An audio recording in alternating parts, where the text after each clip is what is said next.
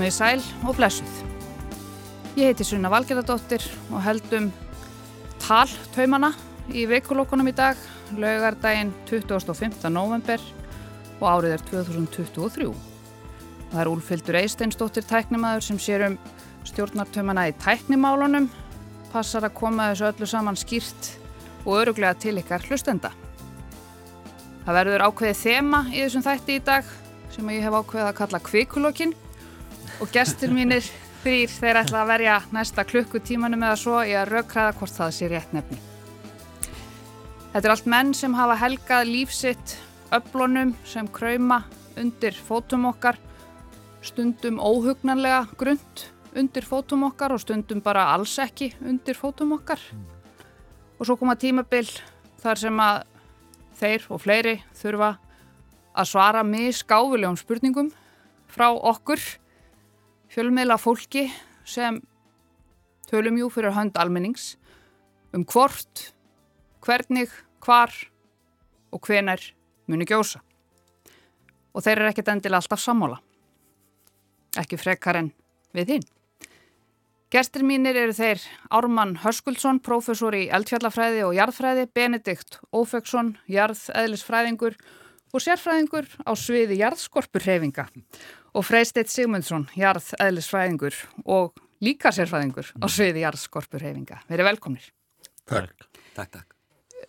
Ég ætla nú að ekki að bregða allt og mikið út af læginu og ætla að byrja þennan þátt verandi þessi uh, talskona almenning sem ég talaði um í byrjun sem ég er og ætla að byrja á því að spyrja ykkur allt svo staðan á Reykjanesinu og ég ætla að spyrja ykkur í rauð er líklegasta sviðismyndin enn svo að það muni gjósa á næstunni ég ætla ekki að fá svarið það mun einhver tíman gjósa, kannski á morgun, kannski eftir hundrað ár en uh, núna svona ný, eða svona fyrir nokkrum dögum þá uh, var það sagt að það væri líklegasta sviðismyndin.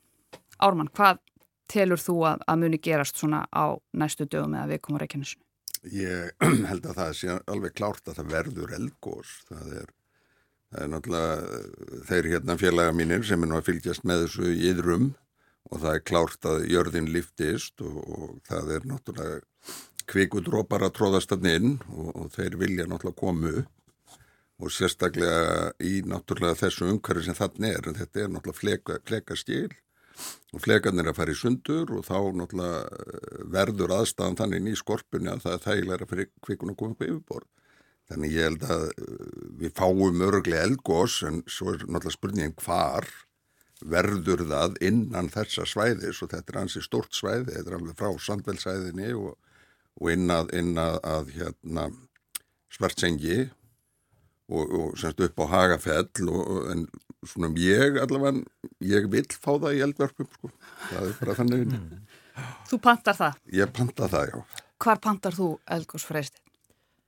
Þannig að það er sem minnst áhrif á mannfólkið Já, bara ekkert þetta, þú veist bara svona hvað, ef þú mætti velja Ég held að náttúrulega við veljum ekki en, en það er spurning þú segir uh, sko á næstunni mm -hmm. uh, það, tímaskallan skiptir máli uh, ég held að, að flest, að sé fólk sé samanlega um að það muni koma eld, fleiri eldgóðs á Reykjaneska það er það sem við búum stöld við og við sjáum kannski undirbúning fyrir það núna í þessari kveikusöfnun undir svarsengi svæðinu En, en tímaskallin sko næstu dagar, uh, það er kannski það sem skiptir grindvikinga miklu máli. Mm -hmm.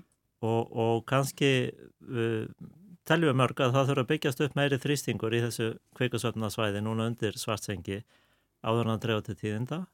Og tímaskallin á því er kannski vikur, uh, það verður hvernig raðin á því landrið sér. Uh, en, en uh, kannski er bara næsta vika, góð vika til að vera á svæðinu, huga grindvikingar hugja sínum eignum og, og vinna við varnagarða getið haldið áfram. Því að þó að sér allandrið þá, þá mingaði þrýstingur mjög mikið undir svartsengisvæði í þessu kveikusöfna svæði þar kveikan kom hugsaðan að mjög mjög leiti þaðan og inn í þennan kveikugang mm. Hvað segir þú, Benedikt?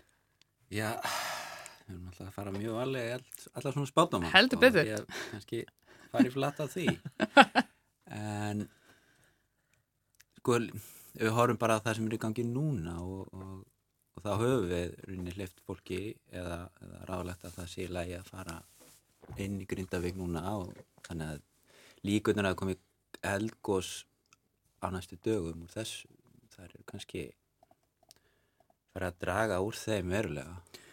Þá að það komi eldgóst þarna bara, Bara í, úr þessum gangi úr sem þessum, úr núna. sprungu sem Já, að bara er í gegnum Grindavík. Já, þannig að með hverjum deginu sem líður þá kannski minkar líkunar á því. Mm Er en það þá, speglast líka bara í því hvernig fólk er hleyftin á svæði Hva, en, en, en það er, við sjáum að það er aftur byrjað að koma að kvika inn undir uh, svartingi er þetta sami gangur? Er þetta sami kvikugangur sem við erum að horfa á það undir? virðist vera að það sem var að sapnast fyrir undir svartingi hafi bara tæmst inn í þennan gang Mm og þarna opnast bara jarðskorpan þarna í skjálta sem er styrkingiskjálta sem bara, það bara opnast sprunga og kvikan bara hleypur inn í inn í það kerfi þarna sundnunga gigaröðina og, og það verist að tæmst sem sagt komið bara að mestu leiti úr frá svarstengi og mögulega kannski eitthvað aðeins dýbra, við vitum það náttúrulega ekki en það, ságangur kannski er ekki líklu til að allavega með líkurnar er að minka verulega svona með tíma á því að hann komi það valdi gósi en kannski það sem við þurfum að horfa núna að fara meira og meira að horfa núna er þessi skveiksöfnun til svartsengi hún, við erum ekki fann að sjá að það sé að byggja upp þrýsting ennþá, það tekur eftir einhver tíma og, en, en það geti verið næsta svona atbyrjar sem við þurfum að fylgjast með -hmm. uh, Ármann þegar að uh, áður en uh, þetta fór allt saman þarna í sundur í Grindavík Grindavík var rýmt seint á föstudagskvöldinu 10. november held ég að það hafi verið um, Almannavarnir sögðu fyrr um kvöldið að það væri ekki ástæða, talin ástæða til þess að rýma uh, en þrátt fyrir það uh, flúðu grindvikingar bara, bara bílalest út úr bænum á milli klukkan 6 og 8 an kvöldi vegna þess að það var bara ekki hægt að, að vera þarna vegna, vegna þess að skjálta og þau kalla nú ekki allt ömmu sína, grindvikingar, þekkja, þekkja þessar hreyfingar vel og fundu þarna mörg að þetta var, þetta var öðruvísi. Þetta var grinnra og sem lýsaði að það bara hafi verið eins og gólfið sjálft, hafi verið uh, hafi bara skolfið undir þeim og svo náttúrulega bara sáum við hvað, hvað var að gerast þarna. Uh, Hjúkrunarheimilið klopnaði sundur og, og uh, ætla nú ekki að, uh, endur taka uh, þessar afleiðingar sem við höfum séð í, í bænum. Uh, þú sagðir þarna fyrr í vikunni að uh, svartasta, svartasta sviðsmyndin væri svo að Grindavík fær undir hraun. Uh, og síðan kemur í ljós að þessi kvikugangur liggur undir Grindavík. 15, eða 12 eða 15 km langur gangur liggur bara og við sáum það á, á myndum uh, tölvugerðum myndum hvernig hann lá. Og þar var bara kraumandi kvika á ekki drosalega miklu dýpi. Uh, hvað er þessi kvika sem var þar undir? Hvað er hún að gera núna, hvar er hún? Já, sko, ekkur kvika hefur náttúrulega farið inn í þessar hreyfingar og það má heldur ekki gleyma því að þetta eru náttúrulega tvennskonar hreyfingar. Við erum með flekarhreyfingarnar sem gera heilmikið og svo erum við með kvikurhreyfingar sem gerðan fylgja því og eh, eins og er eh, höfum við náttúrulega, sko, ég ætlum ekki að fara að rífast við kollega minni hérna en eins og er bara. já, þá eru, sko, við erum búin að mótilar það að það fari stór gangur að neinn En uh, ég hugsa nú að, að þessir viðburðir, þeir eigi eftir að vera okkur í vísindunum mjög fróðlegir þegar við fyrir að endur skoða þetta og, og reyna svona uh, taka í sundur aðeins hvað er kvikan og hvað er, hvað er hérna flekarnýkið og, og ég hugsa við erum eftir að læra heilmikið á því og, og jafnvel uh, mótel sem við erum að nota munu vantarlega verða betri og betri sem svona á svipaðan hátt og Við höfum verið að gera frá 21, frá því að fyrsta gósið kom og, og þá byrjuðum við strax að, að vinna í svona nákvæmari e, svona forritum til að líka eftir hraunrensli. Það eru alls konar e, hérna forritatn úti sem enn geta svona mismandi flókin og þá settum við bara mjög fljókt í stóran hóp, bæði erlendra og innlendra í það að, að tókum þarna eitt forrit sem að bandaríski herin hefur verið að nota og, og það hefur svo verið að vinna í því, svona betrum bæta eðlisfræðina í því og útreikningana og allt það og, og semst, þú veist og það hefur orðið til þess að forriði verður alltaf betra og betra mm. og, og í, í góðsunu 23 þá reyndist það bara kóri ett upp á svona 90% sko sem er hansi gott fyrir svona forrið sko. Og ég held að í framaldi af þessu að þegar menn sko nú er náttúrulega heilmikið til að mæligögnum og þau náttúrulega uh, hjá benna upp á veðustofu eru búin að vera döglega að sapna þar, aðrir hópar hann úti líka sem eru með mæla frá Cambridge, frá, frá Tjekklandi og, og þegar menn fara að skoða uh, virkilega þessi gögn og, og rína virkilega vel í þau þá hugsa ég að við verðum í, því, uh, í þeim spórum að geta sko kannski þekkt betur á milli. Hvað er, mhm. hvað er kvikan virkilega að vinna og hvað er kvikan ekki að vinna? Hvað er þetta bara tókspennan á, á flekarskilunum og, og uh, vissulega svartasta myndin fyrir Grindavík var svo Grindavík fær undir hraun en, en, en við áttum nú svo sem aldrei vona því að það myndi opna sprunga í Grindavík heldur er það þarna upp í Hagafelli og þarna við Melhólin og, semst ef það opna sprunga þar þá er hún á óþægilegum stað en uh, það er ekki þarfyrir, við erum búin að náttúrulega að uh, vera í þessu hönnunaferli með garda og koma við, koma hrauninu vestan við út í sjó og allt það og, og það er ekki hvað síst þessi þróun í þessu forriti sem við erum að nota sem hjálpar okkur við það sko. Mm. Því að það er eiginlega eina forriti sem sem getum tekna garda inn í sko. Hinn forritin þau vinna á svona frekar stórum, stórum mælikvarða þannig einu svona gardar sem við teknum að þau, það þýðir að það fer alltaf yfir þá því, bara því að uh, forritið er ekki betra heldur en það er. Sko. Þetta er ég sá einhver staðar um, tilvetnun í kollega ykkar Magnús Tuma Guðmundsson. Þetta er tilraunastofa náttúrinnar, náttúrinnar sem setur upp tilraunir sem engin mannlegur máttur getur búið til. Þannig að það er auðvitað uh, sjaldan hægt að, að spá nákvæmlega fyrir um hvernig jörðin mun haga sér. Uh, Freysteinn, mér langar aðeins, ég velti fyrir mér sko þegar svona, uh, þegar svona gerist, svona atbyrðir eins og uh, þessi sprunga sem opnaðist í, í Grindavík og, og mm. svona mikið af alls konar pælingum og upplýsingum sem að þið eru náttúrulega settir í þá stöðu að þið bara verðið að svara vegna sem mm. þið eru spurðir. Uh, fyllist ekkert landið af einhverjum, einhverjum kúrekum frá útlöndum, einhverjum vísindamönnum einmitt eins og Ármann var að segja frá Cambridge eða einhverjum svona er þetta ekkert, er þetta ekkert spes á, á heimsmæli hvar það svona það sem er að gerast? Jó, Ísland er í Ísland er í sviðsljósunu í, í jarðvísendum og, og búin að vera það uh, svona vaksandi áhugi þessi umbrót á Reykjaneskáðanum hafa ekki gríðarlega aðtegli, líka bara almennings uh, en, en mjög viðamikla rannsóknir og, og hver atbörður við, eh, það má segja kannski eldfjallafræði læruðu mest á eldgóðsum og, og þegar það kemur mikið magna kviku upp á yfirborð en, en líka atbyrðum eins og þessum þar sem kvikur hefungar eru neðanjarðar og það er, það er mjög mikið áhugi það hefur samt verið meiri áhugi þegar eldgóðsinn sjálf verða sko. mm -hmm. þá, þá mun bæta verulega í en, en það eru margir erlendi vístahópar meru í langtíma verkefnum hérna eins og Ármann nefndi háskólinu Cambridge að Englandi að, að þar hafa verið stundar sko mælingar og járskjáltum sem er svona viðbót við uh, mælakerfið íslenska og það er þetta að fá svona nákvæmari upplýsingar með mikill úrvinnslu þó svo að, að kveikan sé ekki konu på yfirborðið og, og ef að þessi kveikugangur storknar að, að þá mun verða unnið mjög ég, það er bara farið á stað, tólkanir og úrvinnsla það mann halda áfram. Ísland er í brendepli og, og mikill alþjóðlegur áhugi. Kúreikar við erum alltaf, uh, við erum í samstarfi við mjög marga aðila.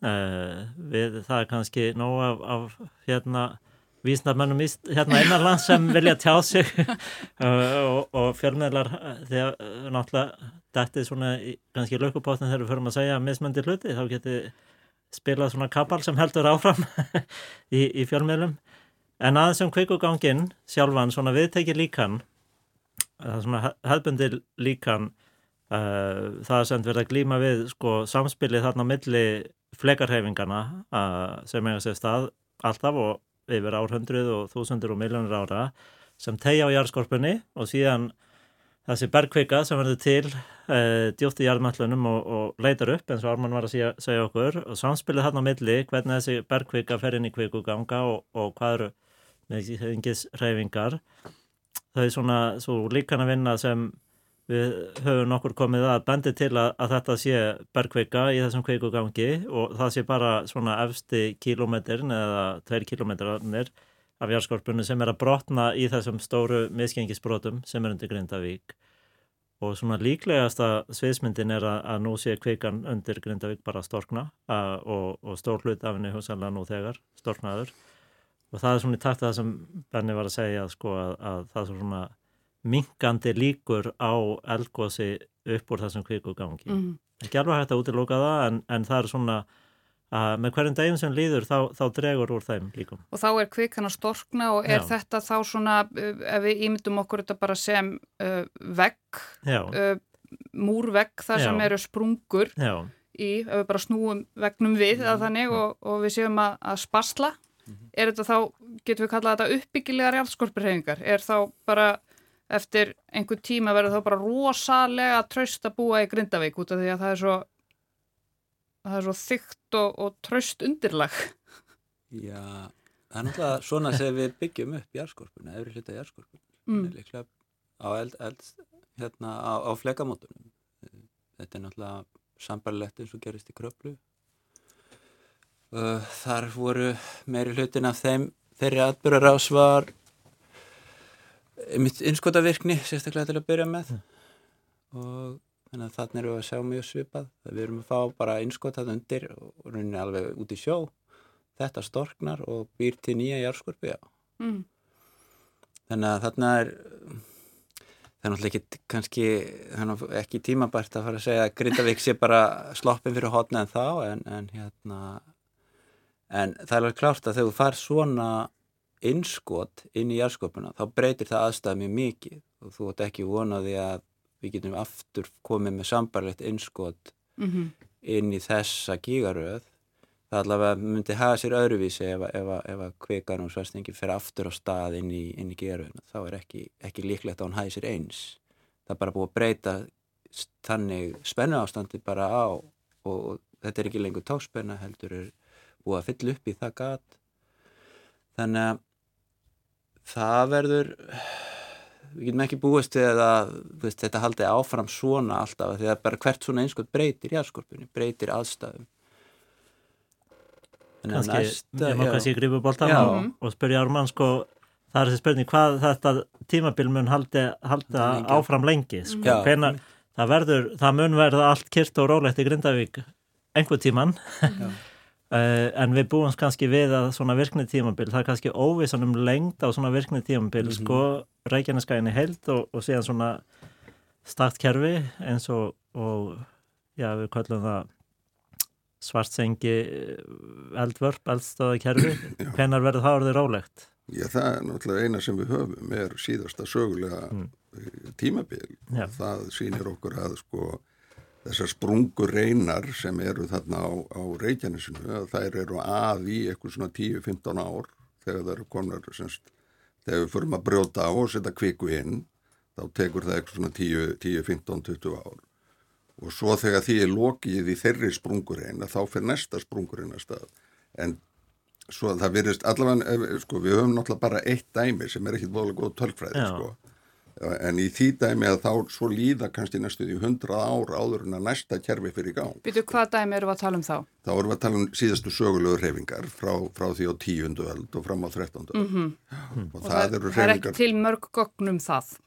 Nei, en það er samt sko, þú veist að því að það er sko skráð, þannig við erum með skráðar heimildir um, sí, sko, um síðustu gósin, gósin sem voru á 13, 12 og 13 öld hinn þurftum við að grafa upp með kólefnisgreiningu um og öðru slíku og þá gáttu við, áttu við okkur á því að bláfjallakerfið hefði verið mjög virt og mikið af raununum niður í, í heiðmörk eru sagt, frá, komið frá þessum uh, eldgósm á tíundöld sko. Mm. Í heiðmörk? Já, Já. þannig að og, og meira segja eitt raun á, nokkur, já, eitt raun á, á völlunum þarna mm -hmm. er, er frá tíundu öld og svo kemur aftur raunir á vellina þarna á, á, á tóltu öld þannig að Jú, við, sko, þetta er eina sem við höfum og þetta er ekkit, uh, þetta er ekkit voðalega góð tölfræði í samum sér og uh, þegar að lætin byrjuð á Reykjanesi þá fór allir að segja já, þetta verður eins og það var síðast, það byrjar í bláfjöllum og svo færist það vestur úr. En núna bara byrjar það öfugum einn, það byrjar bara á Reykjanesinu. Og, og færi sér nær. Já, þá, sko, ef að þetta eina dæmi er svona dæmigerð hegðun fyrir Reykjanesið, þá ætti sem sagt þegar að uh, hérna, eldvörpin og reykjanis eru búin að þá ætti þetta hoppa þá annarkvort yfir í bláfjöld eða, eða krísugukerfið. Einmitt. Mm. Bindit, mér langar aðeins að spyrja vegna þess að það er svona undirlikjandi uh, svona um, glott á ykkur og, og okkur varðandi það að um, að fjölmjöla sé að slá upp því að því séu ósamála, einhver segir það byrjar að gjósa, annar segir það byrjar ekki að gjósa og, og mm -hmm. þar fram eftir göttunum. Uh, hvernig er þessi tilfinning fyrir ykkur, fyrir þig, uh, að vera vísindamadur, mm -hmm. Uh, raun vísindamadur og ég ætla nú ekki að segja það að það séu bara ákveðna týpur sem verða raunvísindamenn vegna þess að það er, er auðvitað alls konar. En hvernig er þessi tilfinning að, að þurfa að spá uh, endalust, mhm. einhvern veginn, vera settir í þessa stöðu og eru að spá fyrir um eitthvað framhald og kannski sérstaklega núna vegna þess að núna eru við að, að horfa upp á bara líf fólks mm -hmm. og heimili fólks, við erum náttúrulega búin að horfa upp á heimili fólks en, en við erum líka bara að, að horfa upp á að þarna er bara líf fólks í húfi. Mm. Hvernig er þessi tilfinning? Þessi, er, þetta ekki, er þetta mikil pressa? Já, já, þetta er náttúrulega mikil pressa. Það er ansið mikið í húfi að þetta og þetta er ekki þetta er ekki bara eldgóðs einhverstaður upp á fjöllum mm -hmm. er, það, þarna skiptir öllum máli að, að stiga mjög valega til jarðar í öllum spátumum og, og, mm. og, og yfirlýsingum og ég veit ekki með ósamala menn hafa bara mismunum til sína og það er bara eðlilegt að menn hérna, komi með hana. Það sé allt í lagi en við náttúrulega á veðustofinni höfum kannski aðeins aðra stöðu. Við þurfum að þegar við komum fram þá eru við að koma fram fyrir stopnunina og, og eitthvað konsensus innan stopnunina Er það ekki bara svona einhverjum þjónustu ekki við ríkið að eitthvað að... Já, þetta er bara sko, við, við getum ekki við, við erum ekki með þetta akademiska frelsi, við getum ekki mm. bara farið og sagt, ok, ég get ekki bara farið og sagt mína skoðun, mm -hmm. þó ég, ég kannski mm -hmm. því að þetta er einhver, einhver hópur sem að kemsta einhverju niðurstöðu og búin að rökraða sig einhverju niðurstöðu og ég verði að representera þá þá niðurstöðu mm -hmm. og þetta þarf að vera sama og við segjum við almannavarnir við getum ekki sagt eitt við almenning og annað við almannavarnir því að þeir taka svo ákvarðin út frá því sem við segjum mm.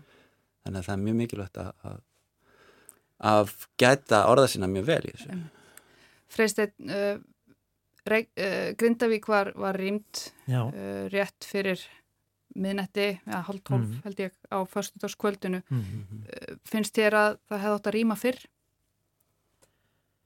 Ég held að við verðum bara treyst almannavörnum uh, til að taka ákvarðinu hverju sinni uh, það uh, var bröðist við aðstæðum og, og það verður kannski metið í framhaldinu hvort það hefði mátt gera eitthvað að öðruvísi. Mm -hmm. heldin að segja það ég held ég náttúrulega bara að vera ánað með stöðuna eins og hún er í dag. Hún geti verið náttúrulega verri.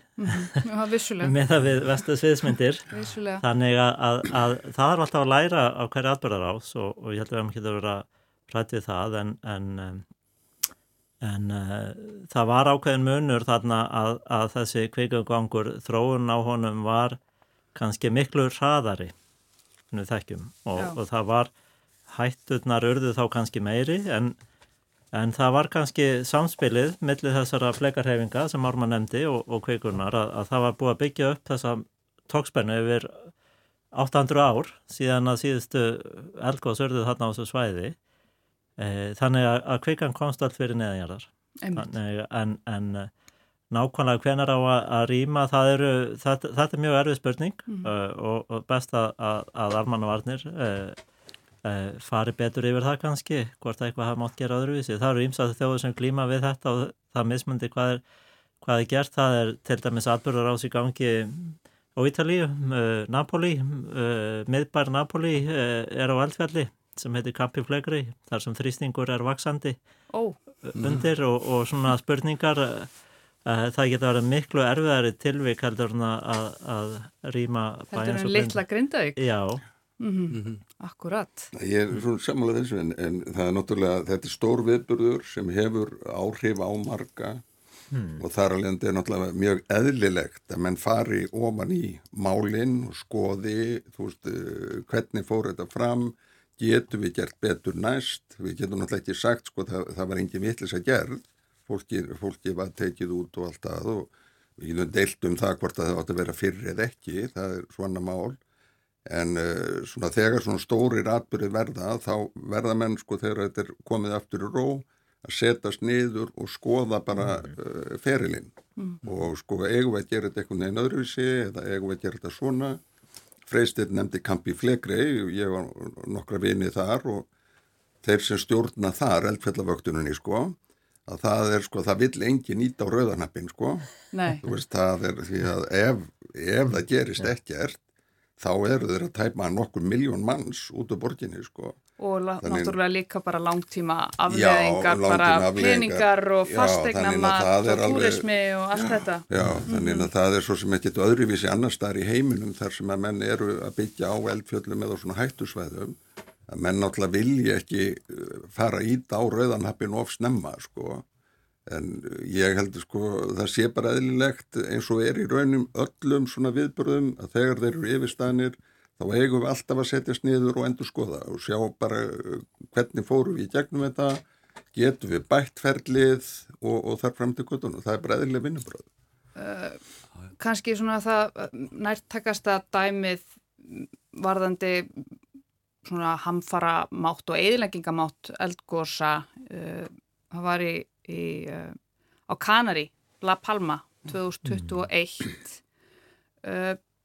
Þú þekkir það já, aðeins Já, Ármann. ég þekki það aðeins og þar náttúrulega þar lendum menn annars verið í því það, menn eiginlega sáu fyrir í janúar að það væri að stefni í eldgós þannig að þeir hafðu mjög langan fyrirvara Og það byrjar að gjósa 19. september og því líkur 13. desember Já, 2021. og það er sko þegar það svo loksins kemur upp þeir voru í smá vandraði með sko staðsetningu, því að staðsetningin er alltaf svo viðkvæm, sko hvar opna sprungan, mm -hmm. því að leiðu við vitum það að þá getum við fyrir að gera heilmikið að rástafnum uh, síðan náttúrulega fenguði sprunguna þarna upp í fjallinu og, og raunin renna í áttinni yfir byggðina og þar Eh, eh, rættum en það til dæmis að búa til varnagarða en, en, þá eru menna sko það eru enga forvarnir heldur er þá spurningin sko eigum við að rjúki þetta núna og reyna að gera eitthvað. Og niðurstaðan var svo að því að þeir eru ekki eins og við erum komið tilturlega betra kerfi hér heldur en, heldur en þeir. Og niðurstaðan var svo sko ef þau færu í svona varnagarða og eitthvað og, og það myndi því að það raunir færi kannski frekar yfir húsið hans Jóa heldur hún að Jónu og þá vildu þeir ekki sko að því að laga umhverfið var ekki tilbúið til þess að taka á því að þá var ákveð að frekar bara leifa þessu rennabeinti sjáar og láta bara hraunnið sjálft að ráða hvað það gerir. Sko. Vegna þess að þau þorði ekki að taka ákvarðanir Nei, upp á bara peninga. Já, upp, þetta er allt snýrst allt um peninga og, mm. og það er semst laga umhverfið hjá þeim, það var ekki tilbúið til þess að taka, taka á þessu. Sko. Mm. Þau hafi ekki ekki svona eiginlega náttúru hanfara tryggingu eins og við erum með. Við náttúrulega Vestmanæja gósið það eh, kend okkur það að við þurfum að vera með eitthvað svona eh, eitthvað sem getur tekið á því þegar við lendum í miklum áföllum og þá náttúrulega áttamensi líka á því að við erum við búum að eldfellegju og viða eru þjertbílin okkar full nálægt eldgósunum og, og þessum, þessum svæðum og síðan bara eins og hjá okkur við glýmum við eigagósið þar sem að fer stór hluti bæjarnis undir og, og allt það og mikil hörmung, Ísland er þá ennþá í þriðja heims ríki sko, ekki, og fátækt ríki. Og síðan byrjar 74 bara árið eftir, þá byrja lætin upp í kröplu og þar voru menn náttúrulega hrættir um það að, að hraunin gætu komið inn í þorpin í kringum, kringum uh, Mývat og þannig að eh, þá var ágætt að það var búið að stopna viðlega tryggingu eins og hér þá. Og þá áttuðu menn sér náttúrulega á því þörfinni fyrir að hafa þessa vöggu. Við verðum að eiga eitthvað, eitthvað sjóð sem getur tekið á þessum, þessum vandamálum þegar uppi komið. Mm -hmm. því að það sem er að gerast í Grindavík núna það, ég menna þá eftir að gerast aftur annar staðar. Þetta verður ekkit síðasta, síðasti tjettbílstarn á Íslandi sem lendir í vandraðum út af, út af náttúrunni sko. Nei, svo sannarlega ekki. Mm. Núna höfum við ekki mikið verið að tala um svona undanfari, eðlimálsins samkvæmt um köllu og vík. Er það eitthvað svona sem að við ættum að vera að horfa á? Ég minna það hafa svona þegar að, þegar að kalla er svona farin að við tölum um að hún sé komin á tíma og allt það og Já. þegar hún er að bæra á sér þá hafa íbúar víkur hvað kort er til þess að, að forða sér áður en að bara hvað flóðbylgjan skellur á. Já, það... Já, það er náttúrulega staðsti áhættu, sko, kalla er í sjálfum sér ekki sko mjög hættulíkt eldfjall miða við til dæmis ef við horfum á eldvörpin og svartsengju og það því að við fáum uh, flóð sem flest fara bara út á Mýrdalsand og það er ekki neitt nema þjóðvegurinn og það er allt í lagi.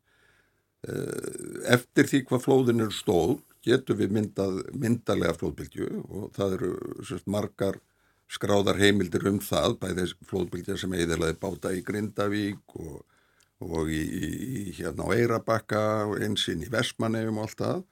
Og það er mjög góð lýsing af flóðbylgjunni 1918 og einmitt úrvík þar sem menns voru að tala um það allt í unnu stóðu sker sem eru aldrei séð áður þar sé þegar vatnið sjórin dregst frá. Og svo kom hann inn En Vík er náttúrulega eh, svolítið betur sko, stödd vegna þess að það eina sem þið þurfum að gera er að fara upp á hæðina sko, sem er ekkit mm. voðalega langt. Það er, mm. eru tultilega fljótir að fara upp að, að, þannig kringu í kirkjunu og þar og þá þurfa þeir ekkit að hafa neina svaka ágjur. Þetta verður eitthvað eignatjón og eitthvað slíkt en, en svona, já, svona erfið rýming held ég að sé mjög, miklu auðveldari í, mm. í Vík heldur og nokkuð tíman í, til dæmis í Grindavík. Einmitt. Og sko þeir æfa þetta reglulega að fara, fara með, já, að rýma. Já. Já, ég held að þessir atbyrðir Grindavík, það, það, það er bara ámenning um að við lefum í landi náttúruhanfara og það er bara að huga vel á öllu skipulagi og, og viðbrasállunum. Það, það er náttúrulega verið snjóflóð og ofanflóð, það eru aðrar hættur, það eru viða hætturnar. Við þurfum að, að, að undirbókur að búa með þeim og það eru kannski þessir þessi stóra atbyrðir uh, sem hafa mikil áhrif uh, og náttúrulega hörmurir atbyrðir sem hafa vorðið á, undarfjörnum áratögun þar sem hefur vorið manntjón ekki, ekki út af veldverkni en mm -hmm. öðrum náttúruhamförum. Og við höfum bara að yfirfara það kannski betur hvernig við ætlum að búa í þessu landi.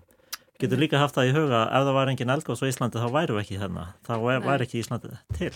Einmitt og það er náttúrulega kannski uh, hálf ótrúlegt að, að eldgóðsinn einhvern veginn þau allavega svona á í setni tíð hafa ekki uh, orðið fólki Já. ekki unni neitt skada þannig á fólki nefnum einhverjum algjörum undantekningatilvikum. Já, ég held núna í þessum umbrótum hafa orðið vendipunktur í hugsun almennings á Íslandi að því að það hafa verið tilhökun kannski mm -hmm. eftir næsta elgósi. Mm -hmm. Gaman að fara og skoða Þessa, þetta mikla náttúru undur þegar kveikaði kemur upp á yfirborð og, og margir notið þess fardarsfjall á óbeigðum og eldfjallin hafa farið svona blíðum höndum um okkur mannfólkið á þessu skeri hérna síðust áratugina en, en þetta er klálega ámenning uh, um að eldfjall eru hættuleg uh, þó að þessar kvikurhefingar hafa bara orðið neðanjara þá er náttúrulega áhrifin gríðarleg mm. og við búumst við einhverju meira og það er kannski svona það sem brennur kannski í huga grindvikinga er bara svona framhaldið aðeins sko, hvernig á að búa sig undir eh, framhaldið. Og þá er aðeins vandamál kannski finnst mér að, eh, sem þarf að meta er þessi tímaskali sko hvað gerist næst og, og allt í lagi ég sagði að, að mér myndi kannski líða vel að vera í Grindavík næstu vikuna að, að því að ég held að það þurfa að byggjast upp meiri þrýstingur hann undir. Eh, það sé svona líklegt á sviðismyndin en, en vikur eh, eru þálaus eða er þetta mm. ár, er þetta áratögur og, og hvernig á að snúa sér í því? Það eru svona áleitna spurningar Akkurat. Þetta er náttúrulega erfiðasti eitt af erfiðustu þáttunum í þessu, það er hvað þessir þessi eldstöðakerfi dragast virknin í þeim er að dragast á langin og óvissan getur spanna mjög langan tíma. Já og það er kannski það sem gerir þetta mjög erfitt þegar þetta komir svona nálat byggð að, að hérna, það er svo mikil óvisa í svo langan tíma Já. Hmm. Uh, hvernig, eins og til dæmis sko, eins og við töluðum um hérna í byrjun, grindvikingar hafa nú búið við þessa skjálta núna bara síðustu ár, uh, mismikla, misalvarlega og núna einhvern veginn uh, urðu þeir frekar, frekar alvarlegir, Já. uh, bærin klopnaði sundur. Uh, síðan, þegar það er gefið grænt ljós hvenar svo sem það verður. Mhm. Gjör þið svo vel því með flytja aftur til Grindavíkur. Uh, við ætlum að stoppa í göttinn og laga lagnirnar og, og múra í sprungurnar. Um, Grindvíkingar flytja aftur heim. Svo kemur jarðskjálti. Hmm. Hvernig er ekki bara Grindavík allavega hana svona á næstu, ég veit það ekki, árum, er þetta ekki, er þetta ekki breytt bara til frambúðar að vera þann? Ég er, ekki, ég er svo sem ekki viss um það. Ég, sko, við getum tekið gósið í heimæ, ég menna flestir versmanningar fóru aftur og, og ég myndi nú segja að, að, að hérna bærin þar leit nú veru út heldur en Grindavík núna, Grindavík er sprungi inn en þar var sko stór hluti farin undir raun og allt á kafjösku, maður þurfti að grafa út húsi sín og allt það. En, en núna eins og þetta er í Grindavík, allt í leið, við erum búin að fara í gegnum þennan stóra um, og mikla viðburð sem er reyfingin á þessari sprungu og þó það sé sjálfsögðu möguleikja hún reyfi sér eitthvað meira þá held ég að megin hluti reyfingarnar á þessari sprungu sé búin. Ok. Þannig að hún fer ekki að gera meira og, og auðvitað þurfa grindvíkingar að, að laga hjá sér uh, innviðina eins og klóakið er allt í mólum hjá þeim og allt það, þeir eru náttúrulega að laga það eitthvað húsunum er ónýtt það er bara, og svo læra menn bara af því að ok, þarna í þessu tilvikið, það vissi allir að þessum sprungum og menn bara mókuðu það og, og núna kannski ekki bara grindbyggingar heldur bara almennt uh, sveitafélög og bæjarfélög á landinu læra af þessu að þeir þurfa að endur skoða sitt uh, innra skipulag og, og, og þeir þurfa að fara yfir það er við með svona sprungur. Og allt er lægið þó að eins og þessi sprunga í Grindavík, hún er ekki búin að reyfa sér í 2400 ár, en hún er samt hættuleg, skilur þau, og þú, þú verður samt að gera ráð fyrir því og ég hugsa eins og í Grindavík, sko, nú bara kortleggja menn vel sprunguna hver þeir eru og þar að leiðandi í framtíðinni eru menn ekki að byggja ofan á þeim, það er náttúrulega hættulegast í staðurinn. Og reyna, sko, það er hús í, í, í hveragerði sem er byggt sikkur megin við sprunguna og svo yfir sprunguna er bara veikari hluti þannig að hann getur ripnað skiljið, en, en restin af húsinu heldur sér. Þannig það er ekkert að, að spila með þetta allt saman en ég, sko, ég er samlaður því að það sko kannski sem er verst er fólki sjálft að því að það var þarna inni á fyrstu deginum og lendi í þessum svaka stjáltum og látum að ég hugsa sko þegar menn eru fluttir tilbaka og allt það þá þá verða menn kvektir um leið og jörðin fyrir að hristast. Já, ég er kannski að tala um það líka bara svona sálfræðilegi þátturinn. Sál, já, sálfræðilegi þátturinn, hann, sko, það er kannski hann sem verður erfiðast fyrir grindvíkingin að glíma við, sko. Mm, mm. Það vonandi verður bara haldið vel, tannum þau. Ég held að, sko, það sé mikil óvisa um hvernig framhaldi verður, en mm -hmm. það er allavega nýr kabli núna í aðbjörðarásunni að það hægir virknin í þessum kveikugangi og svona fjarar út og, og þrýstingur vex í kveikusöfna svæði undir svarstengi og, og vandamáli er að við vitum ekki hvað það hvert það leiðir. Nei, Nei, og, og hvað er mikil kvika til staðar þarna í jarmöllunum en, en uh, við höldum kannski þegar við horfum á þessi tímabila að einhver staðar á þessu svona svæðinu, svona stóru svæði þarna í kringum Grindavík, eldvörp eða þessu eldstofi kerfi þá er ég eftir að koma pröun mm -hmm. en hvort það er uh, á næstu mánuðum eða árum eða áratögum eða áður en þessum þætti líkur er þetta kveikulókin ég held að við séum alls samanlega með að þetta sé ekki kveikulókin Nei, ok.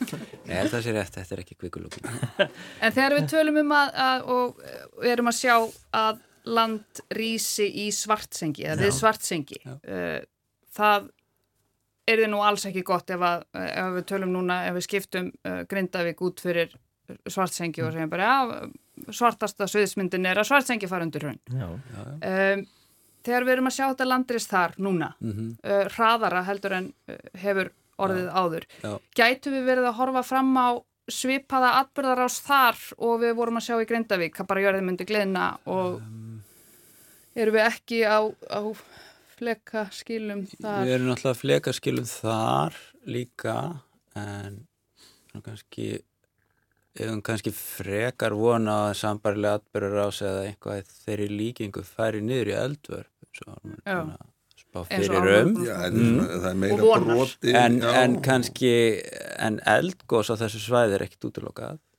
og það myndi alltaf verulega áhrif á Mm Þe- Þegar við, segi, þegar við segjum svartsengi Mhm. uh, það er svona miðjan kannski á Já. þessu svona kvikusöðma svæði og það er náttúrulega ég er þetta kerfi þarna yfir og, en, en sko kvikan hún kemur sér ekki fyrir í einum punkti sko uh, þetta er kannski uh, nokkra kilómetrar langt svæði Mhm. sem liggur eftir svona þessum megin ás fleka skilana Mhm. sem getur þess vegna náða eiginlega alveg frá þessum kvikagangi sem myndaðist núna á sundnjókagígaröðinu og, og langleiðina í eldvörp. Kannski er þrýstið samband þarna á milli og Orman hefur óska góðsið hans eldvörp, svæðið, aðalega svæðið sko að þeirra óbeðir sko. -hmm.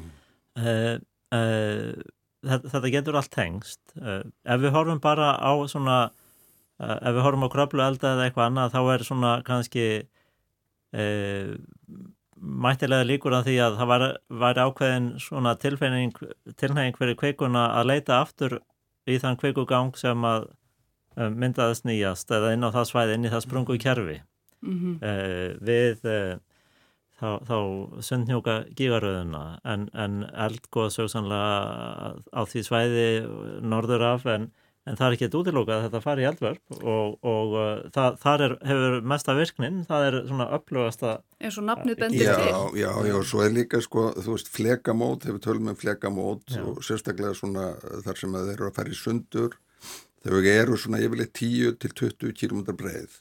Þetta er, og við getum rakið þetta í hafinu, við sjáum alveg hvernig þetta er sama kerfi, við vorum að koma upp úr hafinu og það er að kemur þarna inn á land og þetta svæði, þetta er eiginlega frá sundnúka sprungunni og svo alveg út að sandfellshæðinni mm. vestamegin, sko, þannig að þetta er mjög breytt svæði hmm. Og hvað er þetta langt? Eða sérst stórt? þetta, þetta, er þetta nær svo síðan upp að vógum Já. sprungun að deyja þar út að því að það er svona, það, þetta fer allt á skakk og stjön þegar, þegar að hryggurinn síðan slær sér yfir, yfir reykjanesið.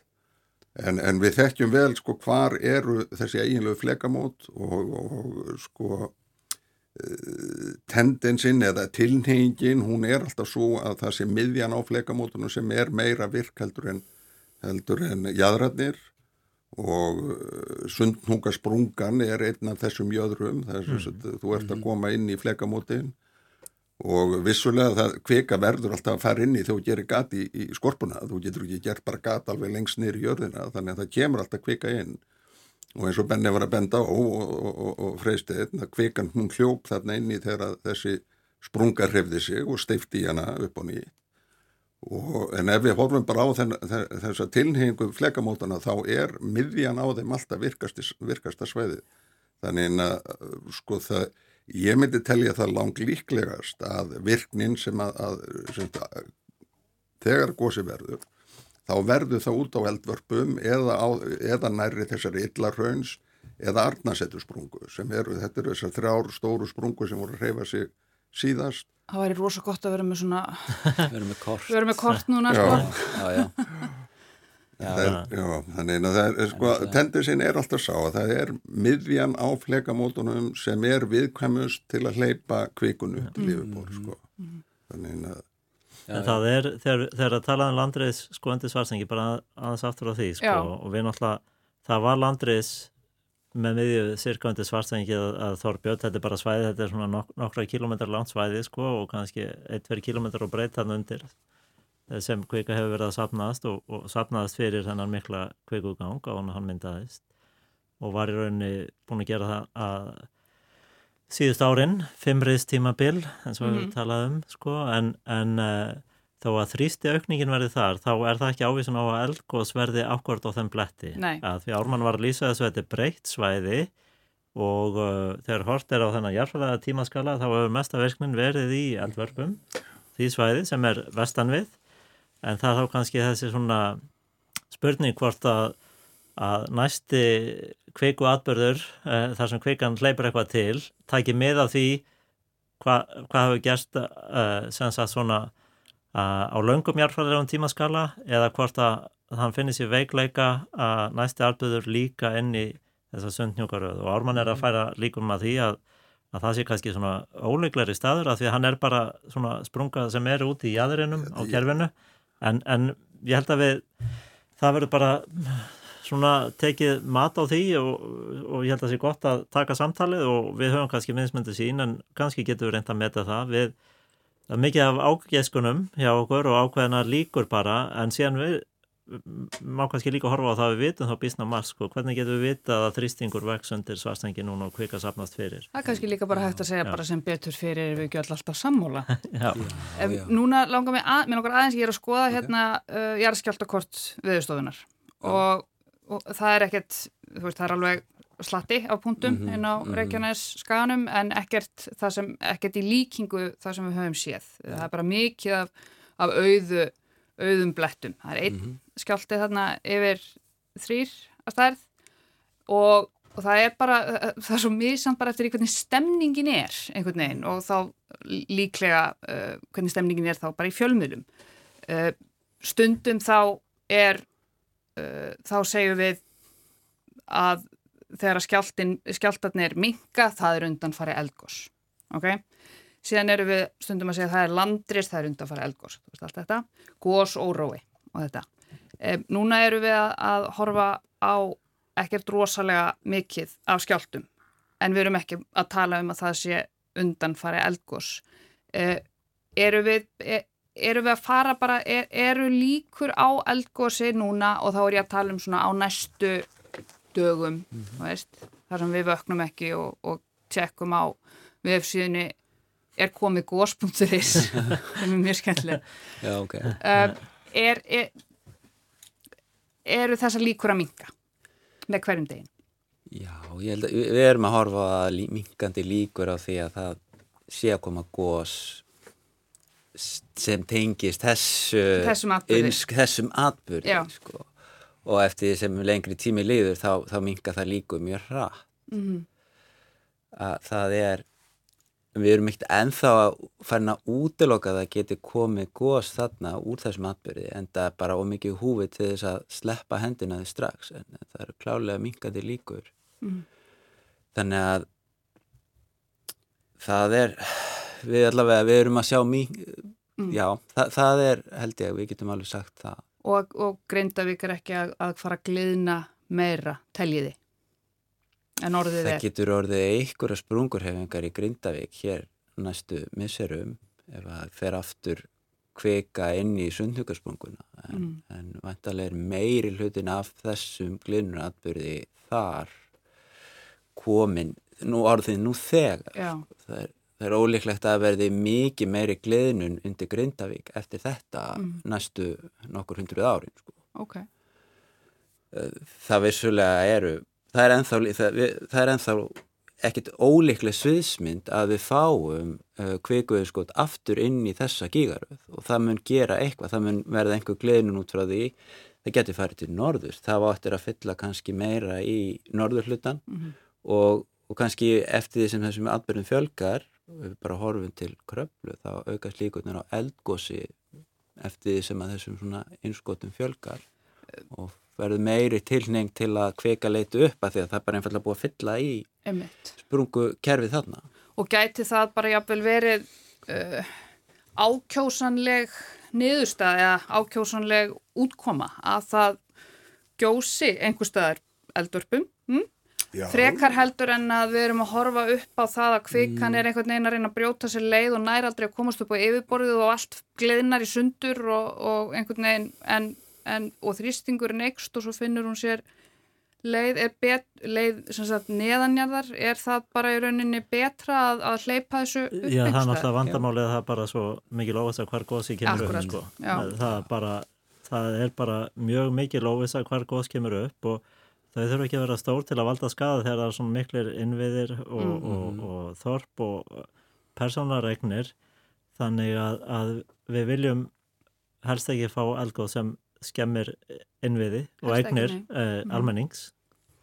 Og, og þannig ég veit ekki hvað er. Ákjáðsannlegt uh, náttúran fer sínu fram. Mhm. við getum uh, reynd að fylgjast með og, og, og spá í spilin og undirbúa okkur betur undir það uh, hvað gerist. En Þegar- það er mik mikil óvisa um uppkomu stað og velgóðs við erum ekki alveg sammála um það? ég held að það sé en, en sko svo verður menn náttúrulega líka bara að horfa á þessa dreifingu og bara hvað er að gerast. Við erum á flekamótum og það er eðlilegast að miðja flekamótana þar er mest, sagt, mestar líkur á því að kveikan komi þar upp. Það er alveg sama hvað flekamót við skoðum að það er alltaf þannig sko.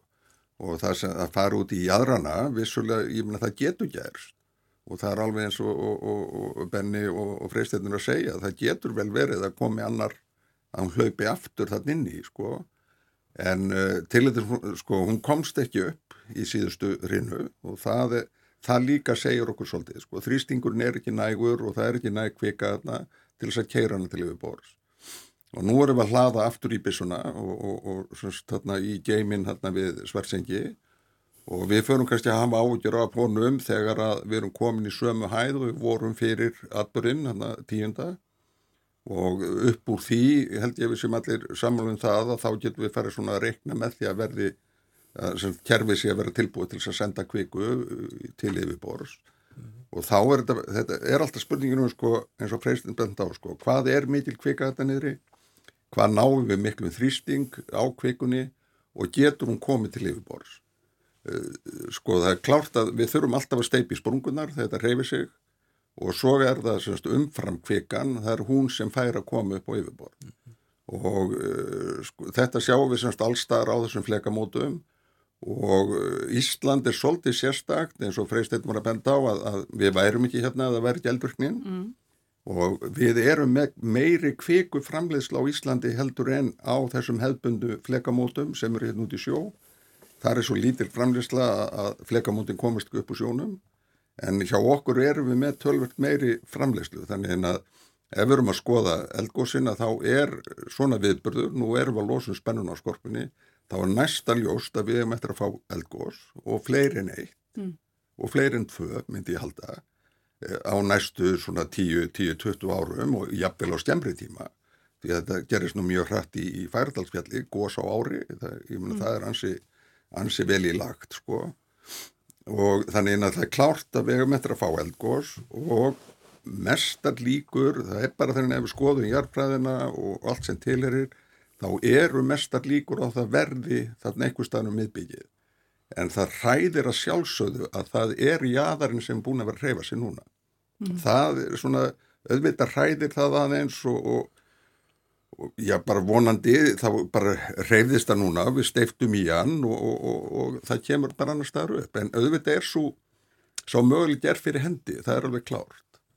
En ég hugsa ekki fyrir heldur að svona reysið er komið allavega á sama stað og það var því að þá erum við með nægan þrýsting til að keira kvikun af stað sko.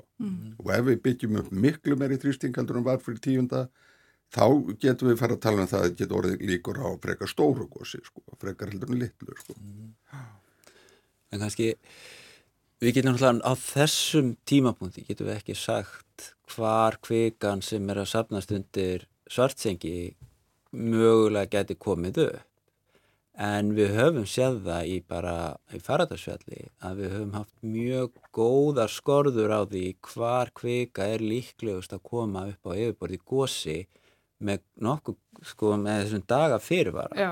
Erum við með bara bestu mælitæki sem, þú veist, eru þið ekki að skoða eitthvað á netinu, ó, hver eru við ekki með þetta, við varum með þetta, það var til peningar fyrir þessu mælitæki, erum við með rosalega góð mælitæki, svona á heimsmælikara? það við stöndum nokkuð vel í því Já. já. Uh, við erum alltaf að reyna að bæta okkur en eins og alltaf bara okkur við tekist mjög vel að, að þegar að kvikuinskotin fara að stað að sjá hvert þau eru að fara og hvar þau eru líklegust að koma upp og við höfum þó höfum kannski haft erfitt með að segja hvenar Mm. að þá höfum við verið nokkuð, skorða nokkuð vel hvar Mm. og en, en það getum við ekki sagt fyrir en að kveiku innskoti fer að stað eða þegar að kveika fer úr þessum söpnunargeimi eða þessari sillu mm. að þá getum við trakka nokkuð vel hvert hún er að fara ég held að við höfum, okkur hefur tekist það bara mjög vel núna síðustu áriðin um, og vonandi bara getum við haldið þeirri veist, þeirri vinnu áfram og bara verið ennþá, ennþá nákvæmari en, en, en það er náttúrulega margar óvissur í þessu ennþá. Óvissan er mikil, mm. þver faglegt álit þessar þryggja jarðvísindamanna er að það, það kemur gós, við vitum ekki alveg hvar, við vitum ekki alveg hvenær. Vikulógin, ekki kvikulógin, verða ekki lengri í dag. Ég heiti Sunna Valgeradóttur, stjórnaði þættinum, Úlföldur Eistensdóttir, sendan út og gestir mínir eru þeir Ármann Hörskuldsson, professor í eldfjallafræði og jarðfræði, Benedikt Ófeksson, jarðeðlisfræðingur og Freistinn Sigmundsson, jarðeðlisfræðingur. Takk ykkur kærlega fyrir að koma, þánga til næst. Takk, Ta takk sem leðis.